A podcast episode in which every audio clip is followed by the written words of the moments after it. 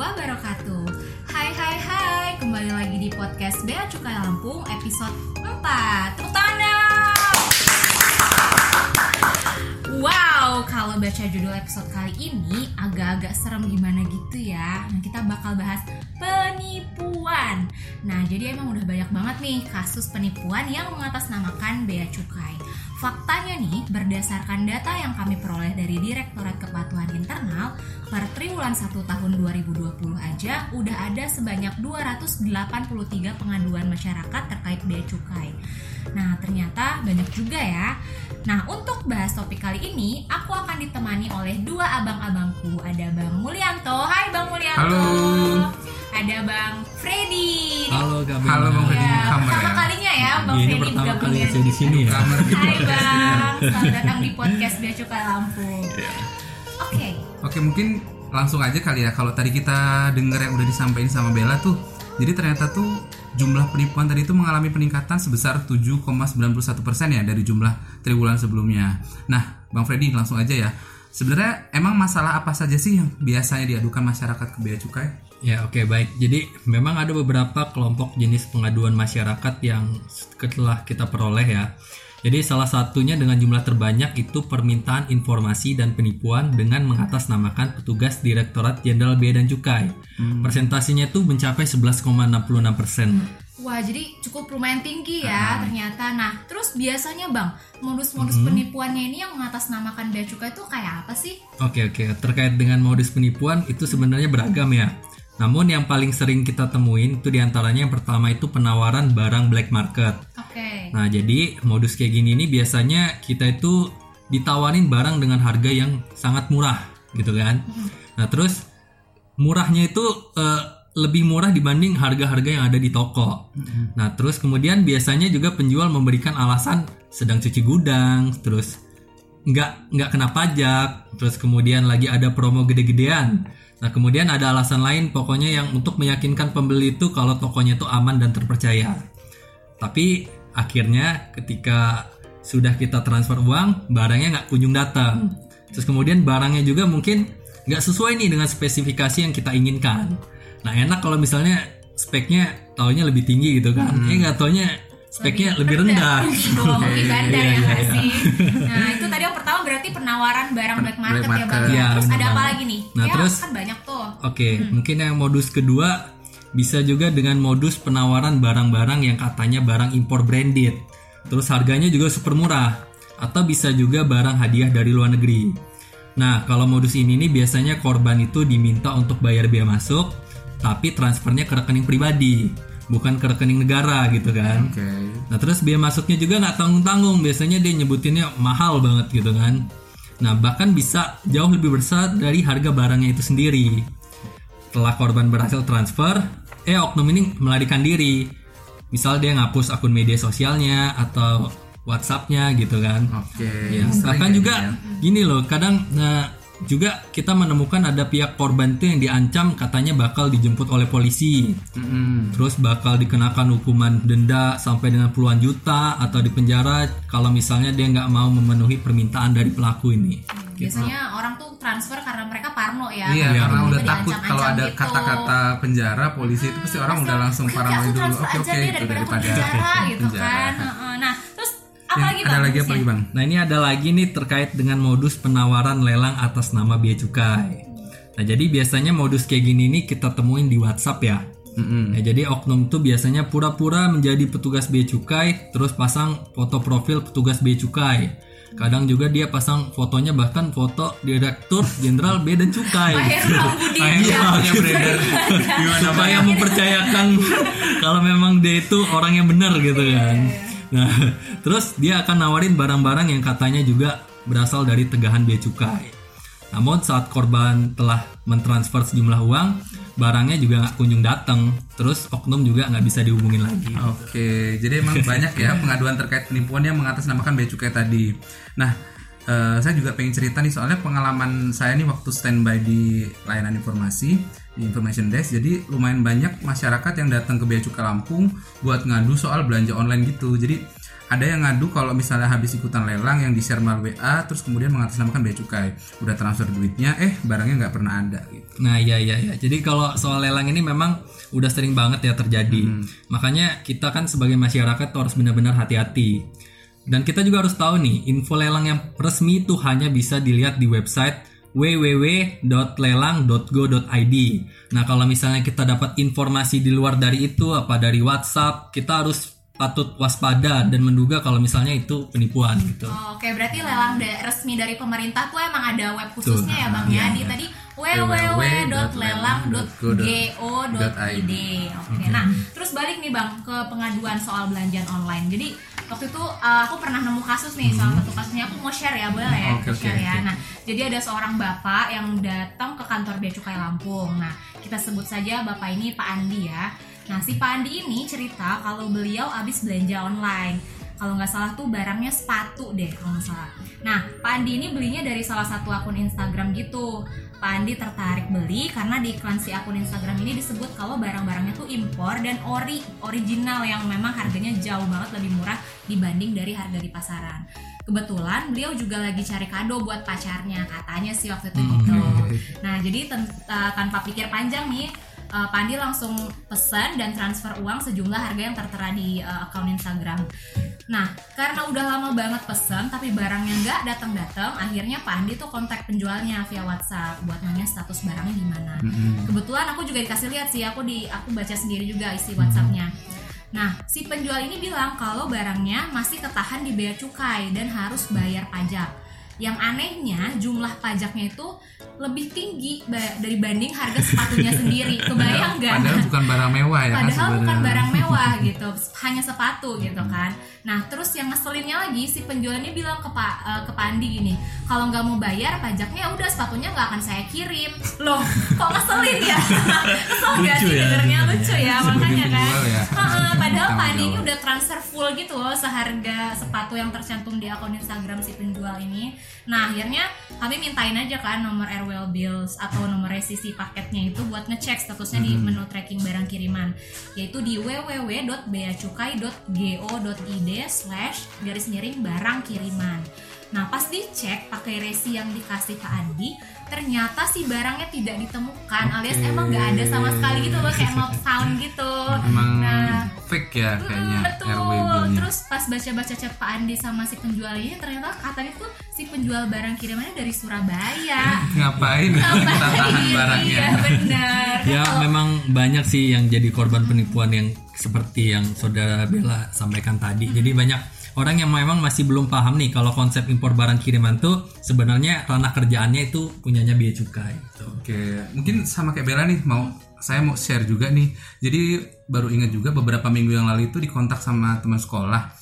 Jadi dia tiba-tiba nanya gimana caranya bayar pajak buat hadiah yang dikirim dari teman virtualnya di luar negeri. Nah nih teman virtual ini agak bahaya ya. Iya bahaya biasa kan kayak kenalan-kenalan online gitu kan. Nah, terus saya kan kepo tuh, jadi langsung tanya-tanya nih barangnya apaan. Terus dia bilang mau dikirimin uang dan perhiasan gitu. Jadi agak gak masuk akal sih dari sini yang ngirim uang dan perhiasan zaman sekarang ya. menduga ya, curiga gitu ya. muncullah nih kan seuzon ya biasa lah ya nah langsung tuh eh, saya bilang ke temen kalau jangan mau transfer sedikit pun kalau memang uangnya itu ditransfer ke kalau dia minta transfer gitu terus eh, saya suruh cek dulu track barangnya di tadi yang Bella sebutin www.beacukai.go.id slash barang kiriman nah ternyata dia malah nggak dikasih nomor resi sama atau eh, RW billnya sama si orangnya itu jadi waktu dia minta beralasan nih si yang ngirim ini untuk eh, nggak ngirimin nomor resinya. Terus dia kirimin juga screenshot chat WA-nya dengan si oknum.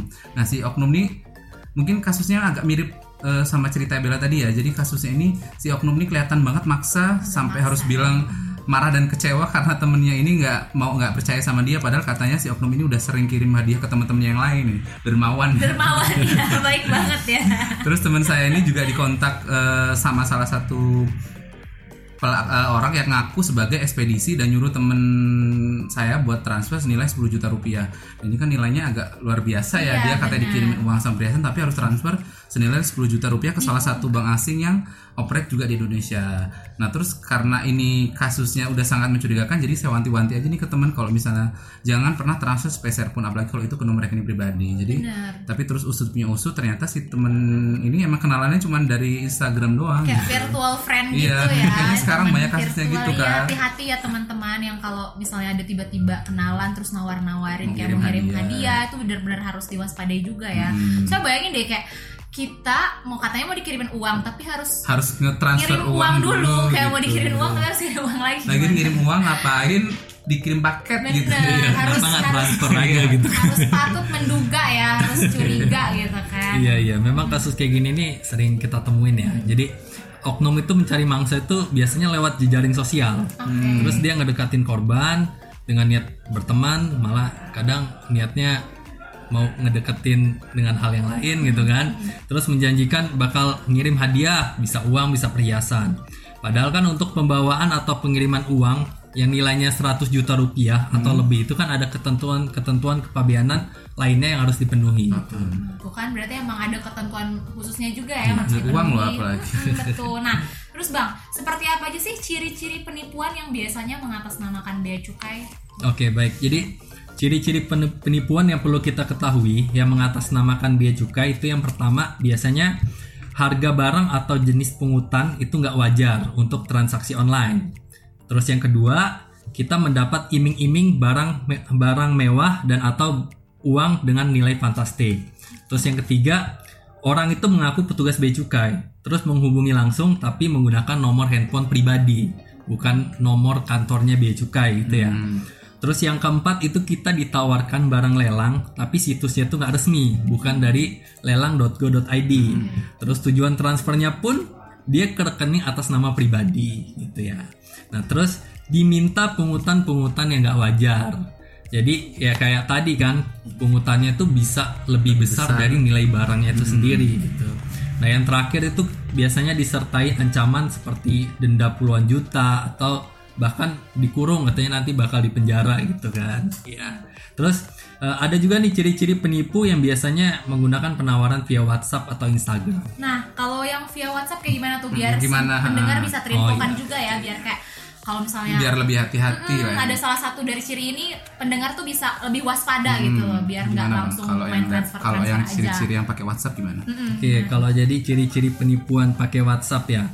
Ya, sebagai contohnya biasanya penipu itu menggunakan akun dengan nomor WhatsApp bisnis. Terus yang kedua, penipu itu mengaku sebagai direktur jenderal atau Lagi ya. kepala kantor Kepala kantor katanya. ya. Oh, jabatannya terlalu tinggi lah. Jabatan jabatan Nggak masuk akal ya. Iya. Jadi itu untuk ya. nakut-nakutin gitu kan. Orang direktur ngurusin, Ngurusin satu beginian barang gitu kiriman kan. gitu kan nggak mungkin gitu kan. Iya iya iya. Nah terus eh, biasanya tuh ada dua orang gitu. Yang pertama itu dia bertindak sebagai orang yang baik, good boy gitu kan. Oke, ha. Dia tuh biasanya nawarin bantuan nih. Saya bisa nih nyelesain kasus kakak atau kasus abang atau mbaknya gitu kan. Nah, terus ada lagi nih penipu kedua. Dia berlaku sebagai bad boy. Jadi biasanya dia tuh mengaku sebagai pejabat bea cukai atau polisi gitu kan. Terus ngancem korban. Kalau misalnya dia nggak transfer uang, maka korban akan saya jemput nih sama petugas polisi atau bea cukai gitu kan. Nanti dipenjara atau didenda bisa sampai dengan puluhan juta gitu. Nah terus eh, ada juga pihak toko akan berpura-pura nggak tahu nih. Terus tiba-tiba dia bilang katanya dirazia oleh bea cukai. Terus meminta untuk mengikuti perintah petugas dan berjanji dana akan dikembalikan. Atau yang lebih parahnya lagi nih toko ini malah menghilang terus ngeblokir nomor telepon kita. Ya, pokoknya Jadi terkoordinir ya gitu, sebenarnya. iya. Maksudnya mereka satu tim ada yang tadi good boy, ada bad boy, ada dari pihak tokonya gitu. Maksudnya mereka saling Berbagi peran iya, gitu berbagi ya. peran biar lebih meyakinkan si korban. Iya. Nah, berarti banyak banget ya bang akalnya para penipu ini ya bang ya. Iya, nah, terus apa nih bang yang harus dilakukan oleh kita biar kita tuh uh, bisa menduga nih kalau kita misalnya sedang mengalami penipuan, biar pendengar tahu kan kayak kayaknya kalau misalnya ada kejadian ini, oh kayaknya gue lagi ditipu nih gitu. Iya, iya. Jadi eh, kita selaku masyarakat awam perlu mengantisipasi ya. Jadi kalau misal kita dapat kiriman atau apa, ini kita ditipu atau enggak nih. Nah, jadi kita harus eh, melakukan langkah-langkah antisipasi sebagai berikut. Yang pertama, kita tuh jangan mau transfer sejumlah uang ke rekening pribadi. Jadi kalau untuk barang kiriman itu kita menggunakan kode billing. Oke. Nah, jadi pembayaran itu berdasarkan kode billing kalau memang ada pungutan negara baik biaya masuk maupun pajak dalam rangka impornya gitu ya. Itu inget ya, nggak boleh transfer ke Ke rekening pribadi pribadi. karena memang ada sistem billing ya kalau Ya. untuk penghutang negara. Lanjut bang. Nah, terus kalau misalnya dari eh, pihak yang mau ngirim barang katanya, eh, ini kita kirim ya barangnya, oke kita lihat, kita lihat tapi itu nomor resinya kita cek bisa di www.beacukai.go.id garis miring barang kiriman. Nah, kalau misalnya ternyata barang yang dia kirim dari luar negeri itu nggak ada di sini, berarti kita patut menduga kalau misalnya itu kasus penipuan. Wah, gitu karena ya. memang semua barang-barang kiriman dari luar negeri itu pasti akan ada ya bang. Eh, Betul, apa pasti detailnya ada. tuh di www.beacukai.go.id slash barang kiriman Oke, gitu ya, ya Bang. benar. Nah, terus yang ketiga ini penipuan terkait dengan modus lelang gitu ya. Jadi kalau misalnya ada yang menawarkan lelang-lelang dari pemerintah, itu kita harus mastiin kalau barang lelangnya itu terdaftar di situs www.lelang.go.id. Oke, Jadi memang semua barang lelang yang resmi itu pasti ada di si uh, website ini ya www. Iya, pasti ada di sini. Nggak mungkin dia cuma melalui tadi sosial media atau melalui WhatsApp Ya, atau makanya telepon. kita juga nggak boleh percaya kalau misalnya ada yang nawarin katanya ini barang tegahan bea cukai nih, ini barang lelang, tapi ternyata di lelang.go.id ini nggak ada. Nggak ada. mungkin ya Iya. pasti semua barang yang lelang oleh bea cukai pasti pasti ada di kita semuanya kan ya. melalui Heeh. www.lelang.go.id. Jadi Oke. buat pendengar yang minat ikut lelang, langsung aja www.lelang.go.id. Kalau ada penawaran tadi Ya, harus. Dicek dipastiin dulu di situ ya. Oke. Oke lanjut ya kita ya. Nah terus eh, kan kadang kan kita eh, kalau ngirim barang katanya barang itu ditahan nama bea cukai gitu kan. Pasti kan ada kan ya barang-barang larangan atau pembatasan tapi kita nggak punya izinnya gitu kan. Nah gimana kita bisa tahu kalau memang benar-benar barang itu ditahan bea cukai atau itu hanya alasan penipu aja buat minta uang ke kita gitu kan? Gimana tuh bang cara Nah, caranya? Kita bisa mintain yang namanya surat bukti penindakan. Surat bukti penindakan ini dikeluarkan oleh petugas bea cukai di bidang pengawasan. Oke. Biasanya di seksi penindakan dan penyidikan. Nah, kalau kita bisa dapat surat surat bukti penindakannya, kita juga bisa konfirmasi nih ke kantor bea cukai nih. Kita konfirmasi benar nggak ini surat bukti juga ya penindakan ini memang dikeluarkan oleh kantor bea cukai atau, Atau bukan? bisa bisa kan. dipalsukan juga Nah, mungkin ya. mungkin bisa dipalsukan juga. Harus Ada konfirmasi tadi itu ya. ya. Betul. Nah, betul. Nah terus eh, kita juga bisa sebenarnya ada call centernya kantor pusat bea cukai ya itu di 1500225 atau mungkin masyarakat bisa juga datang langsung nih ke kantor bea cukai untuk memastikan barangnya. Hmm. Nah yang terakhir mungkin saya perlu tahu saya perlu beritahu kalau misalnya masyarakat itu nggak perlu takut Uh-uh. terus abaikan aja segala ancaman dari pelaku-pelaku yang mau melakukan penipuan terus datang terus telepon aja di kantor bea cukai baik di kantor pusat maupun di bea cukai Bandar Lampung gitu. Pasti akan dibantu ya maksudnya. Karena aslinya petugas bea cukai gak Baik segalak baik iya, itu itu. kok. Kita akan Iya. kita akan memfasilitasi Bener banget bagi abang-abangku ini loh baik-baik. nah itu tadi kan yang perlu dicatat ya kalau kita mau mengantisipasi lah ya kalau tadi udah disampaikan sama bang Freddy kalau kita merasa mengalami, mengalami penipuan yang tadi indikasi-indikasinya nah terus kalau kasusnya nih misalnya udah kepalang udah terlanjur tertipu atau udah transfer sejumlah uang itu gimana bang? Iya, jadi kalau misalnya kita sebenarnya merasa tadinya udah bener nih, eh nggak taunya udah kita transfer kok orangnya ngilang gitu Iya. kan. Kita Panik kan ya. kita harus Iya. gimana sih gitu Iya. kan nah mungkin yang cara yang bisa kita lakukan yang pertama sebenarnya kita bisa jangan panik dulu lah Oke ya kan ini Ah, setelah itu kita bisa hubungi layanan pela- pelanggan bank rekening tujuan transfer misal kita transfernya ke bank BNI atau ke BRI atau ke Mandiri nah kita sel- langsung hubungin Pak kayak sepertinya saya habis kena penipuan gitu kan Nah terus yang kedua bisa kita sampaikan kejadian itu secara lengkap nih, secara runut eh, kejadiannya seperti apa, disertai hal yang kita inginkan. Misalnya mengajukan permohonan untuk memblokir rekening yang kita yang yang sudah tadi, kita transfer tadi tadi. ya. Iya. Ya, nah terus kita juga bisa melaporkan ke pihak kepolisian. Nah, terus kita ikuti semua prosedur yang berlaku dari pihak berwajib, dari pihak kepolisian. Nah, untuk tambahan bukti kita juga bisa serahkan juga nih ke pihak kepolisian, baik itu screenshot capture chat WhatsAppnya ataupun kalau misal dari Instagram Instagramnya penipu. Terus juga kita serahin juga nih bukti transfer kita kalau memang benar kita sudah transfer ke pihak penipu itu gitu. Karena memang penipuan ini sebenarnya kan ranahnya kepolisian, Polisian ya. ya. Dan sebenarnya kalau dengan tadi ada nomor rekening tujuan yang jelas, nama yang jelas, sebenarnya bisa di tracking ya Iya, bisa karena di-trace. pihak bank kan tidak mungkin membukakan rekening sembarangan gitu, pasti ada alamat yang jelas, ada identitas yang jelas. Itu sebenarnya bisa dilacak gitu oleh Lacak, pihak yang berwajib. banget. Nah, jadi itu tadi hal-hal yang perlu kita pahami soal penipuan yang mengatasnamakan bea cukai.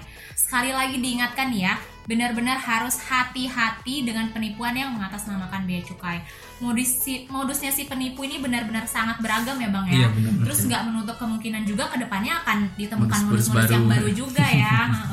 Nah pokoknya kita harus tetap waspada dan jangan mudah percaya dengan tawaran-tawaran yang terlihat menggiurkan. Pokoknya please be a smart buyer and be a smart smart citizen ya. Ini ya harus jadi pembeli yang pintar, yang pintar, yang kritis, yang benar. melakukan konfirmasi. Ya, oke deh mungkin sepertinya sudah cukup banyak informasi yang kita yang diberikan untuk episode kali ini. Seperti biasa, sekalian mau promote media sosial Bea Cukai Lampung. Eh, untuk dapat informasi terkini seputar kebabenan dan cukai, sering-sering cek Instagram, Twitter, dan Facebook kami di @beacukai_lampung. Oke, dicatat @beacukai_lampung atau bisa juga kunjungi website kami di www.bclampung.beacukai.go.id. Atau kalau misalnya mau tanya chat secara privat mungkin bisa ke layanan WhatsApp kami di 0821 8308 94 kali. Nah, yang mau request topik untuk dibahas di episode-episode berikutnya bisa banget loh yang melalui saluran saluran yang tadi udah disebutin sama Bang Mulyanto. Oke. Oke, baiklah. Kami mohon pamit ya karena kayaknya udah banyak banget tadi Informasi informasi, yang yang, sudah diberikan. disampaikan Makasih semoga banget Bang bermanfaat. Freddy. Ya, makasih Terima juga kasih, Bang Fred. Mas Mulyanto Iya. dan Bella. Oke, sampai jumpa di episode berikutnya teman-teman. Jangan, Jangan lupa bahagia. Bye.